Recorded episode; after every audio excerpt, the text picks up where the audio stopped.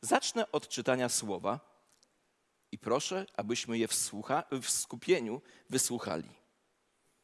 Bo to słowo dziwne. Poczytujcie to sobie za największą radość, gdy rozmaite próby przechodzicie. U. Wiedząc, że doświadczenie waszej wiary wyrabia cierpliwość. Cierpliwość zaś niech dopełni swego dzieła, abyście byli doskonali i zupełni, nie mający żadnych braków. No cóż, życie jest trudne, prawda? Życie jest trudne. A to z tego powodu, że żyjemy w upadłym świecie, w którym nic tak naprawdę nie działa tak, jak działać powinno. Grzech zbrukał wszechświat, a także zainfekował całe nasze ludzkie życie. Wszystko się psuje, nasze ciała się zużywają, a my starzejemy się i umieramy. Ludzie się mordują, małżeństwa się rozpadają, młodzież uzależnia się od narkotyków, alkoholu, od seksu, księża molestują dzieci, pastorzy popełniają cudzołóstwo, nasi przyjaciele nas rozczarowują, my rozczarowujemy naszych przyjaciół. I w taki oto sposób nasza codzienność stawia nas twarzą z twarz z bardzo brutalną rzeczywistością, co sprawia, że życie chrześcijańskie wcale nie jest łatwe. Ale posłuchajcie uważnie. Prawdą jest, że życie chrześcijańskie nie jest życiem łatwym, jednak jest najlepszym życiem, ponieważ jest jedynym prawdziwym życiem. A teraz posłuchajcie innego fragmentu Biblii. Jezus powiedział: Zaprawdę powiadam wam, nie ma nikogo, kto by opuścił dom, braci lub siostry, ojca lub matkę, żonę, dzieci lub pole ze względu na mnie i na Ewangelię. A kto by nie otrzymał stokrotnie więcej teraz, w tym czasie, domów, braci, sióstr, matek, dzieci i pól, ale wśród prześladowań, a w przyszłym świecie życia wiecznego. Życie chrześcijańskie jest pełne paradoksów. A paradoks chrześcijańskiego życia polega na tym, że jeśli chcesz podążać za Chrystusem, musisz stracić życie, aby je zyskać. Codziennie musisz mieć doświadczenie krzyża, aby odkrywać codziennie moc zmartwychwstania. Musisz uważać się za umarłego dla grzechu, aby doświadczyć pełni życia w Chrystusie. Nic z tych rzeczy nie jest łatwe. W siódmym rozdziale listu do Rzymian apostoł Paweł mówi o wojnie toczonej wewnątrz naszego człowieczego życia wiary. List do Rzymian, ósmy rozdział, trzynasty wiersz mówi o tym, że mamy uśmiercić uczynki ciała, a apostoł Paweł w liście do Galacjan w piątym rozdziale mówi nam, że ciało i duch nieustannie toczą ze sobą wojnę. Każdy z nas wierzących ma co najmniej trzech wrogów: świat, cielesność i diabeł. Świat jest wszędzie wokół nas, cielesność jest wewnątrz nas i uwielbia reagować na wezwania świata, a diabeł krąży jak lew ryczący, szukając kogo by z nas pożreć. Nic dziwnego, że Biblia mówi tak: Przez wiele utrapień musimy wejść do Królestwa Bożego. A apostoł Paweł wzywał swojego ucznia Tymoteusza: znoś trudy jako dobry żołnierz Jezusa Chrystusa. Prawda jest taka, że istnieje wiele niebezpieczeństw, trudów i sideł na drodze do nieba. I tutaj w tym momencie pojawia się szósta zasada duchowego życia, których uczymy się w cyklu kazań pod tytułem O czym należy pamiętać w drodze do wieczności. A ta zasada brzmi następująco: Nie ma wzrostu bez walki. Ta zasada to przypomnienie, że trudności pojawiają się na naszej drodze do wieczności dla naszej duchowej korzyści. Kochani, duchowy rozwój nie jest natychmiastowy. Duchowy rozwój nie jest łatwy, ale duchowy rozwój jest możliwy dla każdego z nas. To jest dobra nowina. Chciałbym, żebyśmy przyjrzeli się teraz czterem stwierdzeniom, które pozwolą na, nam mieć zdrowy stosunek, zdrowe podejście do naszych prób i doświadczeń. Pierwsze stwierdzenie. Ponieważ żyjemy w upadłym świecie, złe rzeczy przytrafią się nam wszystkim. Proszę o podniesienie ręki tych z Was, komu nigdy złe rzeczy się w życiu nie przytrafiły. Pamiętam, jak byłem małym chłopcem, szedłem do przedszkola, a jakaś mama pchała wózek z dzieckiem. Pamiętam, co pomyślałem. Takiemu to dobrze, on nie ma problemów. Ja już miałem w przedszkolu. Druga rzecz.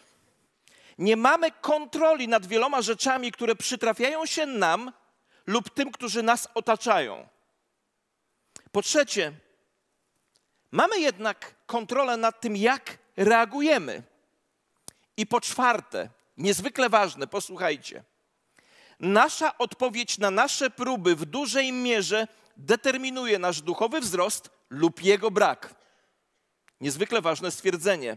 Walka w życiu chrześcijańskim jest nieunikniona, trwająca całe życie i posłuchajcie, ostatecznie jest korzystna.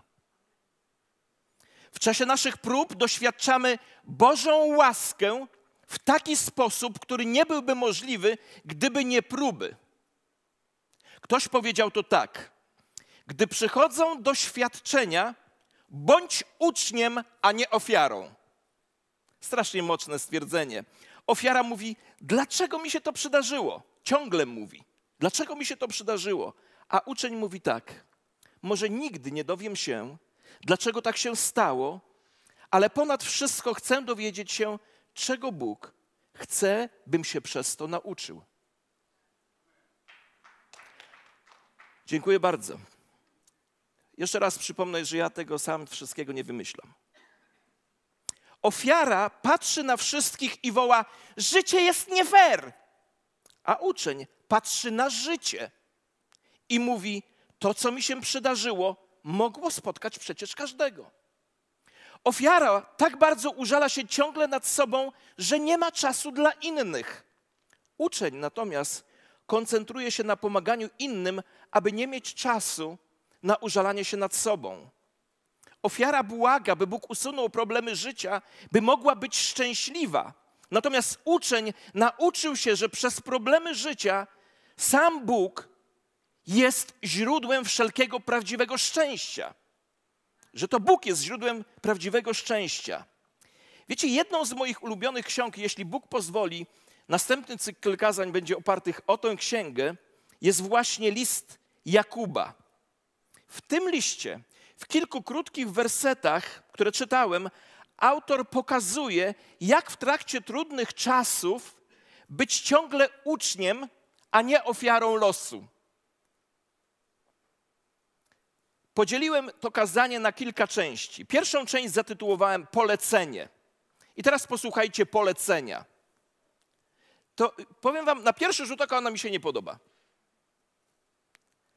Poczytujcie to sobie za największą radość, gdy rozmaite próby przechodzicie. Ciężki tekst. Myśl strasznie grubego kalibru. Ale Jakub zaczyna tutaj od przypomnienia nam tego, że prędzej czy później wszyscy doświadczymy różnego rodzaju prób, a lista tych prób jest naprawdę dość długa. Jak zatem powinniśmy reagować na te ciężkie czasy, które nagle nas spotkały. Jakub oferuje coś, co wydaje się dziwną radą i zarazem jest poleceniem dla nas. Poczytujcie to sobie za największą radość. Powiem Wam, będę z Wami szczery. Zawsze staram się takim być. Wiecie, dla mnie ta porada, dla mnie to, to polecenie brzmi idealistycznie, a zastosowanie tego polecenia, tej porady wydaje się mi niemożliwe. Bo przecież, gdy pojawiają się kłopoty, w moim przypadku, nie wiem jak w waszym, radość nie jest naturalną reakcją. Naturalną moją reakcją jest złość, Nawet byście nie chcieli słyszeć językiem, jakim się wtedy posługuje. Rozpacz, użalanie się nad sobą, a nawet to zawsze przez wiele lat do spotkania z Chrystusem była moja ulubiona metoda ucieczka. Bądźmy szczerzy. Nie jest naturalne znajdowanie radości w trudach. Ale właśnie o to chodzi. Jakub nie mówi o naszej naturalnej reakcji. On mówi o nadprzyrodzonej, ponadnaturalnej reakcji możliwej tylko dzięki Duchowi Świętemu, który pozwala widzieć sytuację i reagować na sytuację nie z naszego, ale z Bożego punktu widzenia. Mówimy zupełnie o czymś innym. Dziękuję bardzo. Uczeń, do, uznanie, uznanie doświadczeń za najwyższą radość jest więc świadomym wyborem, który podejmujemy, gdy nadchodzą ciężkie czasy. I powiem Wam dwie rzeczy, które mi osobiście ułatwiają podjęcie takiego wyboru. Pierwsza rzecz to taka, że to doświadczenie, które na mnie przyszło, jest dopuszczone przez Boga. Ja osobiście wierzę, że w świecie dzieją się dwie rzeczy. Albo Bóg tak chce, albo Bóg z jakichś powodów do tego dopuszcza. I to mi daje, ułatwia mi wybór właściwej reakcji. I drugie, to jest ta myśl, że skoro Bóg to dopuścił do tego, to jest to konieczne dla mojego duchowego wzrostu. Pierwsze stwierdzenie odzwierciedla pogląd na to, że Bóg jest suwerenny. Wszystko, co nam się przydarza, jest spowodowane przez Boga lub w jakiś sposób dopuszczone przez Boga. Być może nawet tego by nie chciał, ale ze względu na to, że szanuje często nasze wybory, dopuścił do tego. Za głęboko nie chcę wchodzić, bo Boga nie można do końca zrozumieć. Ale jeśli naprawdę w to wierzę, to mogę przejść do drugiego stwierdzenia. Jeśli wierzę w suwerenność Boga, to mogę przejść do drugiego stwierdzenia, które uczy mnie, że to, co mnie spotyka, jest konieczne dla mojego rozwoju, i wtedy zaczynam szukać spo, spo, sposobów duchowego wzrostu. I oto praktyczna odpowiedź. Nigdy w takich kwestiach nie ufaj w pierwszej kolejności swoim uczuciom. Kiedy ci, których kochasz, przeżywają ogromny ból, lub gdy stajesz twarzą z twarz z bezsensowną tragedią, lub gdy przyjaciele zwracają się przeciwko tobie, Twoje uczucia nie będą dobrym doradcą i przewodnikiem. W naturalny sposób nie będziesz czuć radości, wdzięczności, a nawet pełnego zaufania, albo tym bardziej pe pełnego zaufania. Prawdopodobnie wypełni cię cały zestaw czy pełen worek negatywnych emocji. Nie oceniaj więc swoich okoliczności przez swoje uczucia, tylko i wyłącznie przez swoje uczucia. Oceniaj Twoje okoliczności przez Ducha Świętego i przez Słowo Boże. Kiedy to zrobisz, wyłoni się mocny wniosek. Te wielkie próby dają mi nadzieję, że Bóg obróci to dla mnie w wielką korzyść. Pamiętacie, tu kiedyś był taki człowiek, Dawid Gilpin. Zaprosiłem go, powiem wam, dlaczego go zaprosiłem. Bardzo polubiłem jego nauczanie, ale on napisał taką książkę o świętych krowach w kościele. Jak ktoś czyta po angielsku, zachęcam. Zawsze można siebie odnaleźć w takiej książce. Ja tam siebie mogłem odnaleźć śmiało, niemalże na każdej stronie też y, napisał książkę i ma takie kazanie i u nas je mówił między innymi o rzeczach, które go drażnią w kościele. I powiedział, że jedną z rzeczy, która go drażni w kościele, to jest historia ślady na piasku. Znacie, jak ona się kończy, nie? Że człowiek ma sen, widzi dwie pary śladów, idą obok siebie i w pewnym momencie widzi tylko jedną parę śladów i mówi, u, panie, był taki moment, kiedy były tylko jedne ślady i wtedy w tej historii, tej oryginalnej, pan mówi, tak, to są tylko moje ślady, bo ja ciebie wtedy niosłem. I Dawid Gilpin, i dlatego go zaprosiłem, bo usłyszałem tę historię, gdy on mówi, wiecie, ja sobie zmieniłem końcówkę w tej historii. Ten człowiek mówi do Pana Jezusa, no Panie Jezu, był moment w, mo w moim życiu, kiedy były tylko jedne ślady. No to Pan mówi do niego, wiesz, musiałem się na chwilę usunąć, żebyś się sam mógł wzmocnić. Więc oceniaj Twoje okoliczności przez Ducha Świętego i przez Słowo Boże, bo kiedy to zrobisz, to wyłoni się mocny wniosek, który już mówiłem. Te wielkie próby dają mi nadzieję, że Bóg obróci to dla mnie w wielką korzyść. Wiecie, takie spojrzenie nie anuluje Twoich zmagań, nie anuluje rozpaczy, nie zmienia ich, ale zmienia Twoją ocenę i Twoje spojrzenie na, te, na tę sytuację. Będziesz je inaczej postrzegał, ponieważ wierzysz, że Bóg przez nie da Ci jakąś osobistą korzyść, która nie mogłaby przyjść w żaden inny sposób. Mogę mieć radość, ponieważ wiem, że to się nie, wy, nie wymknęło Bogu spod kontroli. Wiecie, co jest naszym głównym problemem z tym tekstem? Problem polega na tym, że my źle rozumiemy słowo radość. Dla wielu z nas radość to synonim szczęścia. Dla wielu z nas radość to brak wszelkiego bólu. Ale gdy Biblia mówi o radości, to wcale tego nie ma na myśli. Biblijna radość jest głęboką satysfakcją płynącą ze świadomości, że Bóg sprawuje kontrolę, nawet gdy moje okoliczności wydają się być poza kontrolą. Kluczem do, do radości jest fakt i świadomość tego, że Bóg czuwa. Pamiętacie, opowiadałem wam tą historię z mojego dzieciństwa. Pojechałem z tatą wieczorem na przejażdżkę motocyklem. I w pewnym momencie motocykl się popsuł w ciemnym lesie. Dzień się chylił ku końcowi. Pamiętam, co pomyślałem. Mój tata odszedł w Wielką Sobotę ubiegłego roku do wieczności, ale pamiętam, co wtedy pomyślałem, będąc przedszkolakiem. I tak dojadę do domu, bo mój tatuś jest ze mną. I taki jest nasz Bóg. W Twoich cierpieniach, w Twoich doświadczeniach, w moich cierpieniach, w moich doświadczeniach, On jest z Tobą. Jeśli to wiesz, możesz być usatysfakcjonowany na bardzo głębokim poziomie, nawet gdy płaczesz nad tym, co dzieje się wokół ciebie. A teraz historia szczególnie bliska dla wielu z nas. Posłuchajcie.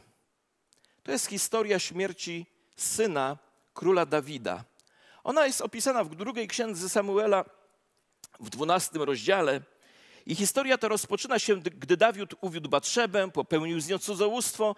Na skutek tego ona zaszła w ciążę, Dawid chce ją poślubić, ale nie mógł, bo ona ma męża, więc męża zamordował rękami innych ludzi, Uriasza, Hetytem zamordował.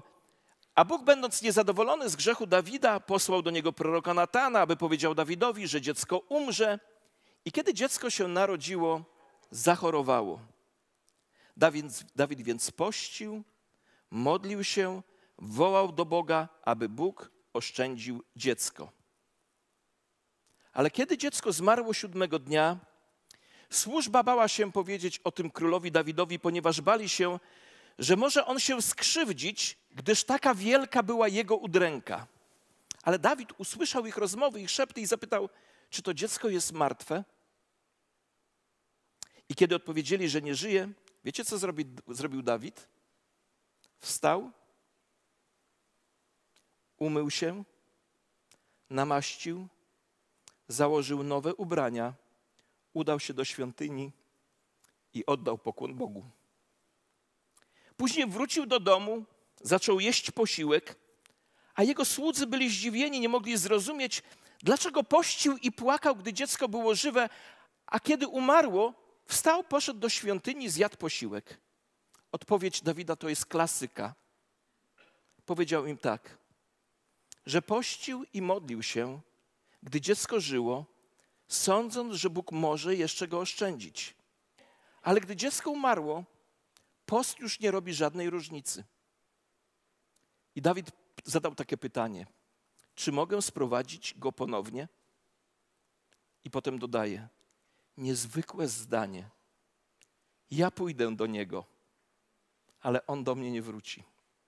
Wiecie, to jest to zdanie ostatnie, to jest przebłysk wieczności w Starym Testamencie, przebłysk nadziei na temat połączenia się z naszymi bliskimi, których straciliśmy. I możesz przeszukać drugą księgę Samuela, dwunasty rozdział, i nie znajdziesz nigdzie słowa radość. Jednakże ten fragment daje nam prawdziwy przykład, co to znaczy poczytywać sobie za największą radość, nawet w obliczu straszliwej osobistej straty, te różne doświadczenia. Wiecie, w tej historii nie ma miejsca na śmiech, tylko na ból i smutek.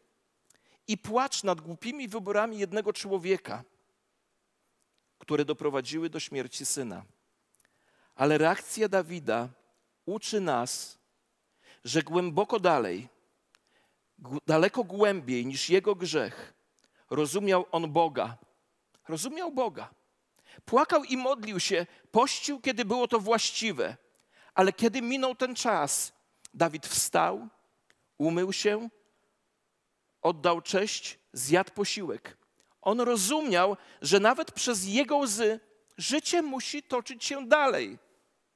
Życie musi trwać. Nie mógł i nie powinien dalej pościć, modlić się w tej intencji i płakać już do końca swoich dni. Jest czas płaczu, jest czas żałoby i jest czas powstrzymywania się od płaczu. Bo jeśli nie, nie nastąpi koniec, to smutek stanie się samolubny. Jest wielu ludzi, którzy odczuwają pewnego rodzaju rozczarowanie, jakąś stratę, trochę żalu, by potem usprawiedliwić unikanie swoich zwykłych obowiązków. A obok obietnicy Bożego Ducha Świętego, to właśnie praca dla innych, praca dla Boga jest naszym najlepszym pocieszycielem w takich sytuacjach, gdy już rzeczy się nie odwrócą. W takim razie, ja wiem, że to są trudne historie. Wiem, że to są trudne sytuacje. Wiecie, ja, mi się trudno mówi, bo wiem, że stając tutaj, ja mówię pewnego rodzaju teorie. Ktoś inny może powinien tu stać i opowiadać pewne rzeczy. To nie znaczy, że nie miałem życiowych doświadczeń, bo miałem. Ale muszę sobie dzisiaj zadać pytanie, co zatem powinienem zrobić, gdy dojdzie do tragedii i przychodzi mi ochota się poddać? Ale chcę Wam powiedzieć, byłem w takim miejscu swojej służby, nie tutaj, tu mi się nie przytrafiło, że żyć mi się nie chciało i że przychodziły mi różne myśli. Kilka sugestii, które na koniec chcę nam zostawić. Może jeszcze nie na koniec. Sugestia pierwsza. Przypomnij sobie Boże obietnice. To oznacza zanurzenie się w Słowie Bożym. Wypowiadaj obietnicę Bożej obecności, wypowiadaj je głośno, wypowiadaj Jego pocieszenia, obietnicę Jego troski. Musisz zrobić wszystko, aby nakarmić własną duszę chlebem życia. Po drugie, Podziękuj Bogu za to, za co możesz podziękować. Wiecie, są chwile, kiedy dziękczynienie wydaje się niemożliwe. Ale nawet jeśli nie możesz podziękować Bogu za 99,9% tego, co się dzieje w Twoim życiu, to skup się na tej jednej dziesiątej czy jednej setnej, za którą podziękować możesz, a taka rzecz się znajdzie. Po trzecie, świadomie odmów poddaniu się goryczy i rozpaczy. Ja tutaj mówię o świadomych wyborach serca. Dobrze jest uczynić następujące wyznanie: Mogę ulec gniewowi, ale dzięki Bożej łasce wybiorę inną drogę. Mógłbym odwrócić się od mojego Boga, ale nie zrobię tego. Wiecie, gdy zmarł mój przyjaciel Paweł Godawa, jego żona powiedziała nam taki cytat, który do niej dotarł, że lepiej wygrozić Bogu pięściami niż odwrócić się do Niego plecami. Po czwarte, wybierz wiarę w Boga. Wybierz ufność w Boga. Uwierz w Jego dobroć, uwierz w Jego miłość. Wiara jest wyborem dokonanym przez Twoje serce. I ostatnia rzecz. Podejmij świadomą decyzję, żeby wrócić do normalnego życia. W cudzysłowie normalnego. bo tu nie ma normalnego życia. Tak zrobił Dawid. Oto co musimy zrobić. Smutek jest dobry, smutek jest właściwy, smutek jest leczniczy, a nawet jest uszlachetniający. Ale po tym, jak żal dokonał uzdrowienia i pomocy, musimy iść naprzód. W podstawówce uczono nas tego wiersza, zdaje się, Adama Asnyka, że trzeba z żywymi naprzód iść i po życie sięgać nowe, a nie z uwiędłych laurów liść z uporem stroić głowę. On dotyczy czegoś innego. Ale ja powiem tak, trzeba z żywymi naprzód iść i po życie sięgać nowe, a nie przez całe życie tkwić w tym, co stało się i co się już nie odwróci. To nie ma być przystanek, tylko ma być miejsce odbicia na dalszą drogę życia. Przyszłość, przeszłość już minęła. Nie możemy wrócić. Nie próbuj. Nie możesz ciągle żyć dniem wczorajszym. Głos Boga wzywa nas do jutra. Nie możesz wrócić, nie możesz tu pozostać, musisz iść do przodu. Nawet jeśli chcemy wrócić, nie możemy. I nie możemy zostać tam, gdzie jesteśmy, bo Boże wezwanie jest zawsze naprzód, naprzód, wprowadzając nas przez wiarę w nieznaną przyszłość. To nie jest łatwe, ale tak należy zrobić. A kiedy to zrobimy, odkryjemy studnię radości, która powstaje, aby odświeżyć nasze dusze, gdy maszerujemy razem z Bogiem. Mamy więc polecenie. Poczytujcie sobie za największą radość, gdy rozmaite próby przechodzicie. Mamy też powód tego polecenia. Mamy powód doświadczeń, wiedząc, że doświadczenie waszej wiary wyrabia cierpliwość. Każde słowo tego wersetu ma kluczowe znaczenie. Wyrażenie wiedząc nie odnosi się do wiedzy umysłu, ale do wiedzy serca, czyli rodzaju zdobytego przez lata doświadczenia. Ta lekcja pochodzi z codziennego życia. Bóg chce wystawiać naszą wiarę na próbę. Słowo próba, doświadczenie, testowanie odnosi się tutaj, jest zaczerpnięte z procesu oczyszczania rudy złota, aby oddzielić złoto od żużlu. Rudę umieszczano w rozgrzanym piecu do czasu, aby rozpuścił się żużel, wypłynął na powierzchnię i został odessany, pozostawiając jedyne czyste złoto. To jest obraz tego, czego Bóg chce osiągnąć w naszych ognistych próbach. Wszyscy musimy przejść przez jakiś czas wypalenia. Nie podoba się to nam, ale wszyscy musimy przejść. Wcześniej czy później każdy z nas spędzi czas w piecu doświadczeń, a rezultatem tego ma być czyste złoto charakteru Chrystusowego w nas. Hiob, który przeżył niesamowitą tragedię życiową na każdej jej płaszczyźnie, powiedział tak: Gdyż Bóg zna drogę, którą kroczę, a kiedy mnie doświadczy, wyjdę jak złoto. Jeszcze raz powiem, łatwo się mówi. Może nie tak. Niełatwo się mówi, ale jeszcze trudniej się doświadcza. doświadcza. Co Bóg chce osiągnąć, gdy pozwala swoim dzieciom przejść przez ciężkie próby i głębokie doświadczenie? Istnieje kilka odpowiedzi na to pytanie. Co Bóg chce osiągnąć? Po pierwsze, Bóg chce nas oczyścić z grzechu nieprawości. Po drugie, Bóg chce wypróbować naszą wiarę. Czy nadal będę posłuszny Bogu w ciemności? Czy będę służył Bogu, kiedy sprawy nie idą tak, jakbym chciał? Czy będę trzymał się prawdy? Po trzecie, Bóg wykorzystuje czas trudności, aby nauczyć nas pokory.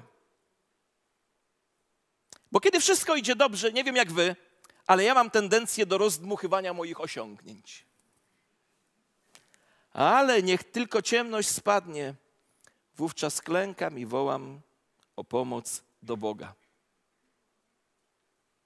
To taki wentyl bezpieczeństwa, żeby trochę tej niewłaściwej pary spuścić.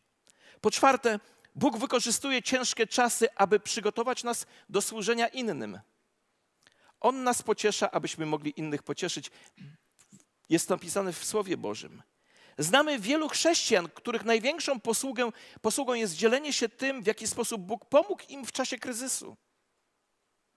Po piąte, Bóg wykorzystuje ciężkie czasy, aby przygotować nas do lepszego zrozumienia Jego charakteru. bo w ogniu doświadczeń odkrywamy Bożą dobroć w sposób, w jaki nigdy byśmy nie odkryli w innych sytuacjach. Dopóki Twoja wiara nie zostanie wystawiona na próbę, dopóki nie, nadają, nie przychodzą ciężkie czasy, to nasza wiara jest teoretyczna.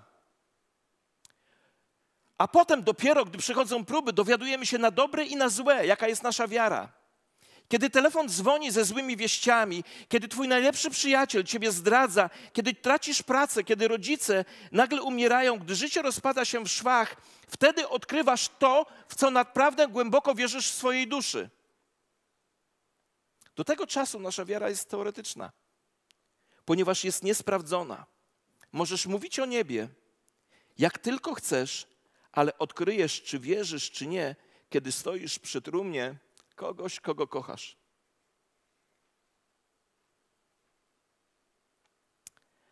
A tym pięknym Bożym zamysłem jest wytworzenie w nas wytrwałości.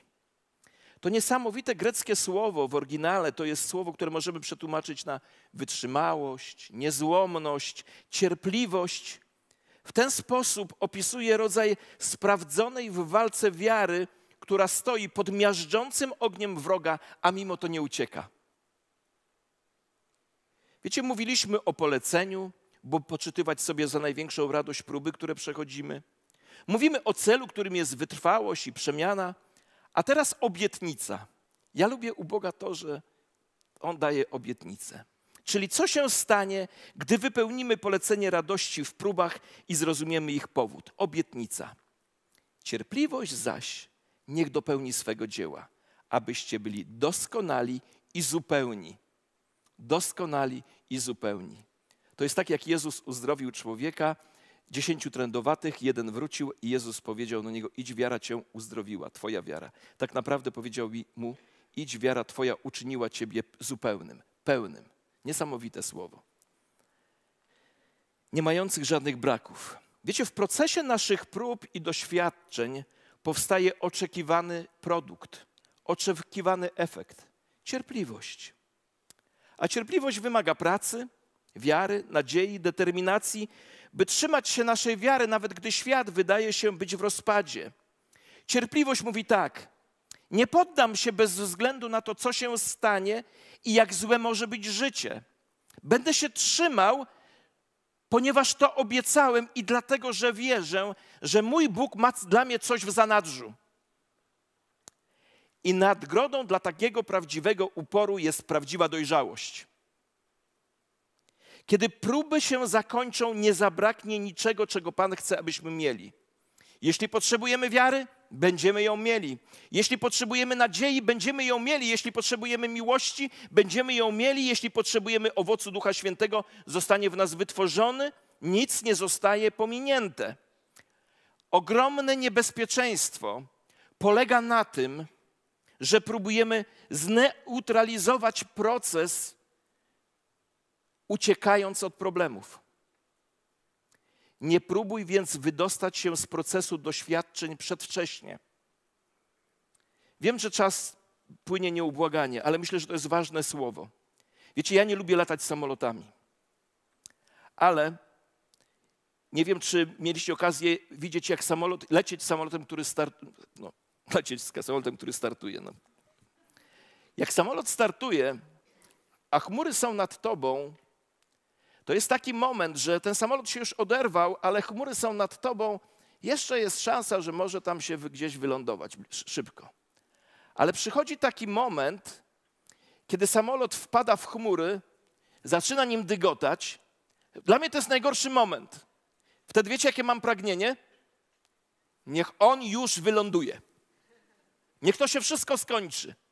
Ale wiecie, odkryłem, że jak wytrzymam ten moment w chmurach, kiedy nic nie widzę, wszystko, same ciemność, widzę ciemność, widzę ciemność, a samolot się przebije ponad chmury, to nagle widzę piękne słońce, ale chmury nie znikają.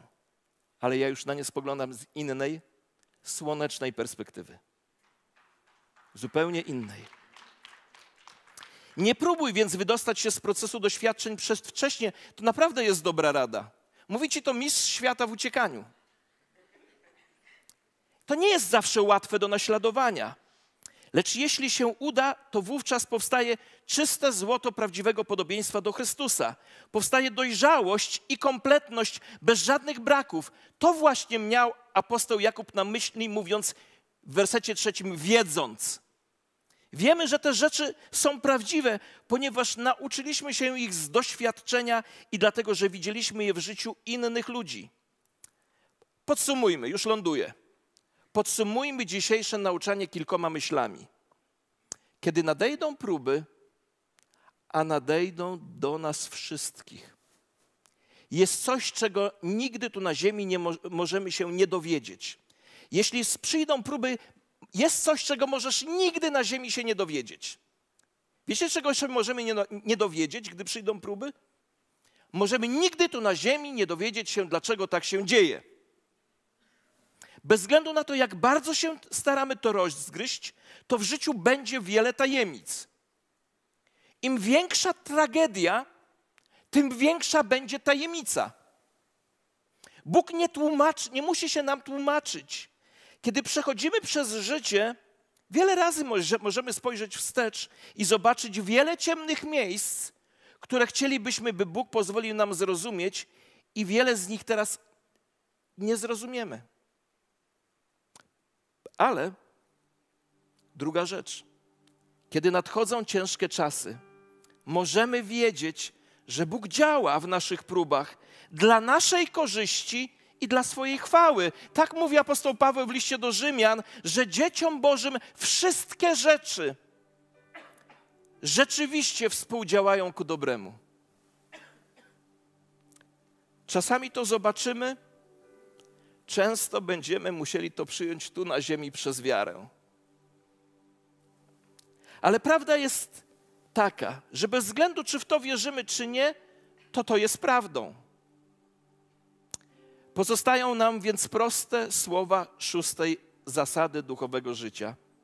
Nie ma wzrostu bez walki. Nie ma. Dopóki żyjemy w upadłym świecie, nie możemy walczyć z tym prawem i wygrać. Nie możemy. Twoje i moje ramiona są zbyt krótkie, by szarpać się z Bogiem. Bądź więc dobrej myśli. Bądź dobrej myśli, nie bój się, nic nie może cię dotknąć, co nie przejdzie najpierw przez ręce Twojego niebiańskiego taty. Strzała zła nie może cię dotknąć, jeśli Bóg z jakichś powodów dla Twojego dobra tego nie dopuści. Nasz tata, który nas kocha, nigdy nie da nam więcej ponad to, co możemy znieść. Bóg nie przynosi swoje próby wraz ze. Yy, nie, nie przegina w próbach, a gdy przynosi próby, to wraz ze swoimi, z tymi próbami przynosi swoje błogosławieństwa. Jeśli On Cię dotyka, jeśli On mnie dotyka, to nie po to, aby mnie zniszczyć, aby Ciebie zniszczyć, ale po to, żeby rozwinąć w nas charakter, złoto charakteru Chrystusowego. A co mogę powiedzieć teraz tym z Was, którzy cierpią? Z doświadczenia mojego mogę powiedzieć to i ze Słowa Bożego przede wszystkim. Bóg jest z Wami. Nic nie będzie zmarnowane.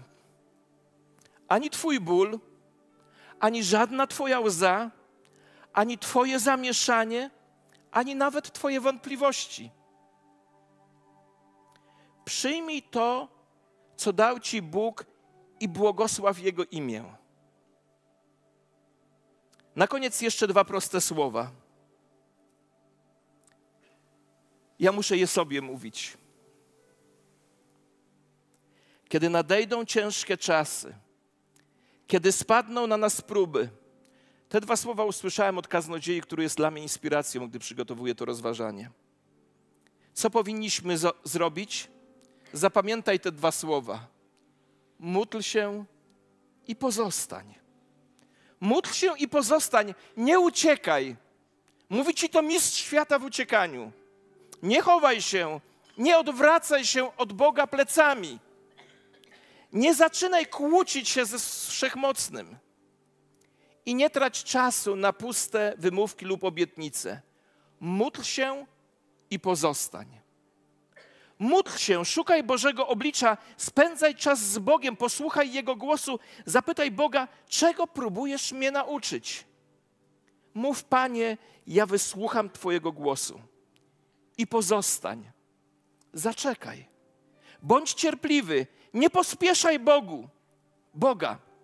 Potwierdzaj przez wiarę, że Bóg działa, chociaż wydaje się niewidzialny, a Twoje życie wydaje się chaotycznym. I nie rób niczego głupiego ani pochopnego. Jeśli kusi Cię szybka i łatwa droga wyjścia z kłopotów, zatrzymaj się na chwilę i pomyśl o tym, czy musisz to dzisiaj naprawdę zrobić?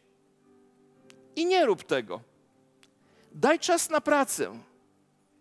Ilustracja nie, nie, ta, yy, z mojego życia, ale ona nie dotyczy jakiejś tragedii.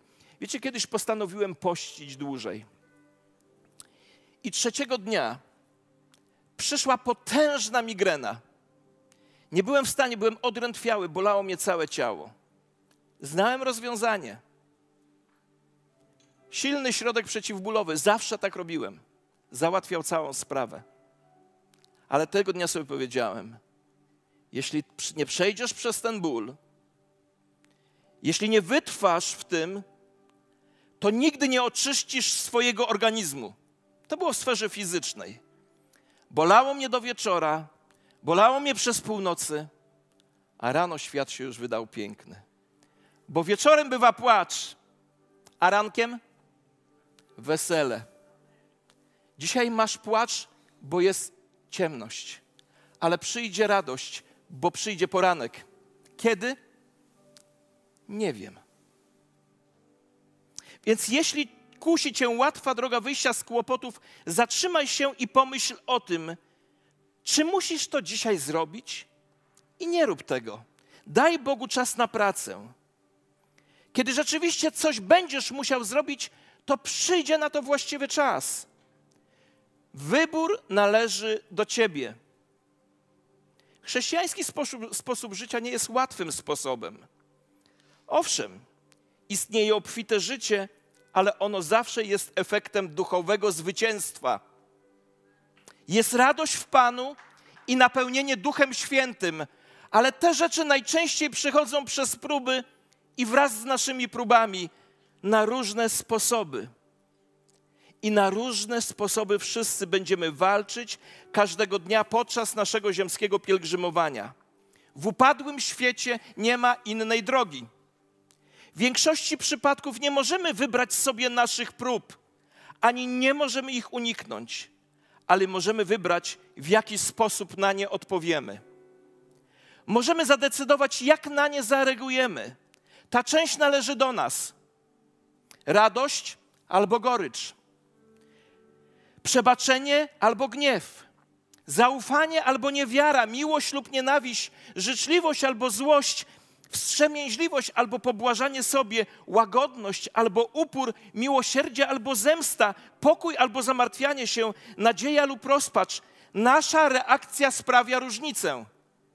Nasze próby nie są wysłane, aby nas pogrążyć. Nie, nie mają one na celu pokonać nas, ale być środkiem do większego duchowego zwycięstwa. Nie mają one na celu osłabienie nas, ale wzmocnienie nas i nie są wysłane po to, żeby nas skrzywdzić, ale żeby nam pomóc. Dlatego nie powinniśmy narzekać, gdy nadejdą trudne czasy. Powinniśmy raczej się cieszyć, bo każda ciężka próba to kolejny krok na schodach zwycięstwa prowadzących z ziemi do nieba. I niech Bóg da nam moc do wykonania tego.